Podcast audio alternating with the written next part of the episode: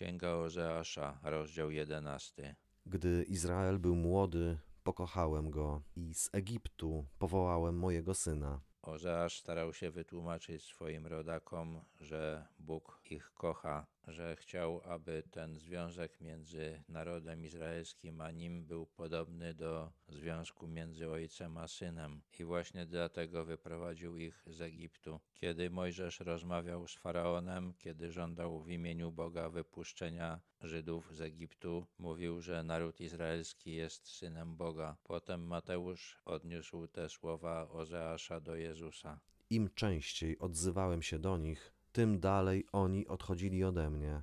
Składali ofiary Baalom i kadzili bałwanom. Bóg odzywał się do Izraela przez proroków, posyłał ich wielu, ale naród nie chciał ich słuchać. Prorocy wzywali go, aby czcił Boga, a naród wolał czcić bożki. A przecież to ja sam uczyłem Efraima chodzić. Brałem ich na swoje ramiona. Lecz oni nie wiedzieli, że to ja ich leczyłem. Bóg był dla narodu izraelskiego jakby opiekunem, kimś, kto uczy dziecko chodzić. Najczęściej robią to rodzice albo ktoś im bliski. Izrael nie zwracał uwagi na tę troskę Boga.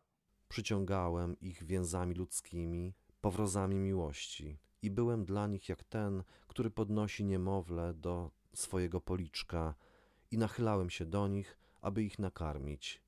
Zwykle ojciec podnosi dziecko, a matka je karmi. Bóg był dla Izraela jakby ojcem i matką. Wszystko po to, aby przyciągnąć naród do siebie. Wrócą do ziemi egipskiej i Assur będzie ich królem, bo nie chcieli się do mnie nawrócić.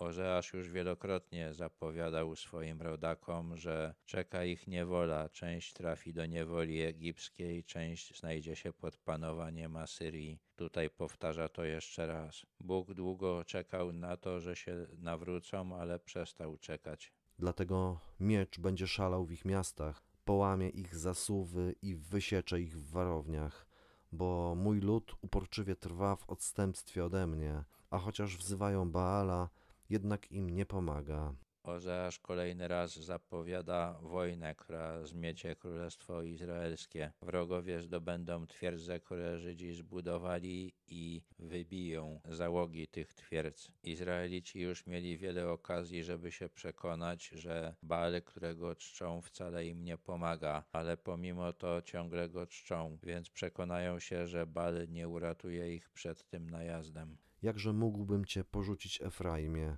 zaniechać ciebie, Izraelu? Jakże mógłbym zrównać ciebie z Adam, postąpić z tobą jak z Seboim? Zadrżało we mnie serce. Byłem do głębi poruszony. Miasta Adam i Seboim są wspomniane w pierwszej księdze Mojżeszowej w czternastym rozdziale. Te miasta leżały pobliżu Sodomy i Gomory. Można się domyślać, że kiedy ogień z nieba spalił Sodomę i Gomorę, to Adam i Seboim też zostały zniszczone. Bóg zapowiedział przez Ozeasza Żydom, że nie postąpi z nimi w taki sposób, nie zniszczy ich zupełnie. Nie wyleję mego srogiego gniewu, nie chcę ponownie zniszczyć Efraima, bo ja jestem Bogiem, a nie człowiekiem. Jestem pośród ciebie jako święty i nie przychodzę, aby niszczyć. Ozeasz zapowiadał, że Bóg nie chce niszczyć swojego narodu, bo ciągle chce przebywać z nim, ciągle dąży do tego, żeby tak właśnie było. Pójdą za Panem, który jak lew zaryczy, a gdy tak zaryczy, dzieci z drżeniem przybiegną od zachodu.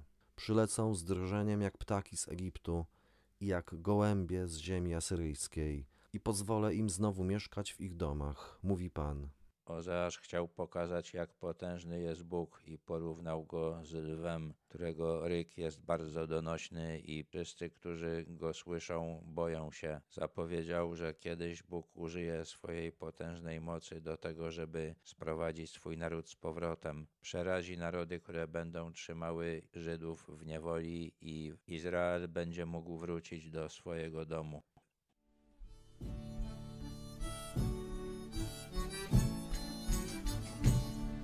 Niech Bóg prowadzi nas, Jego armia z wrogiem idzie w tam.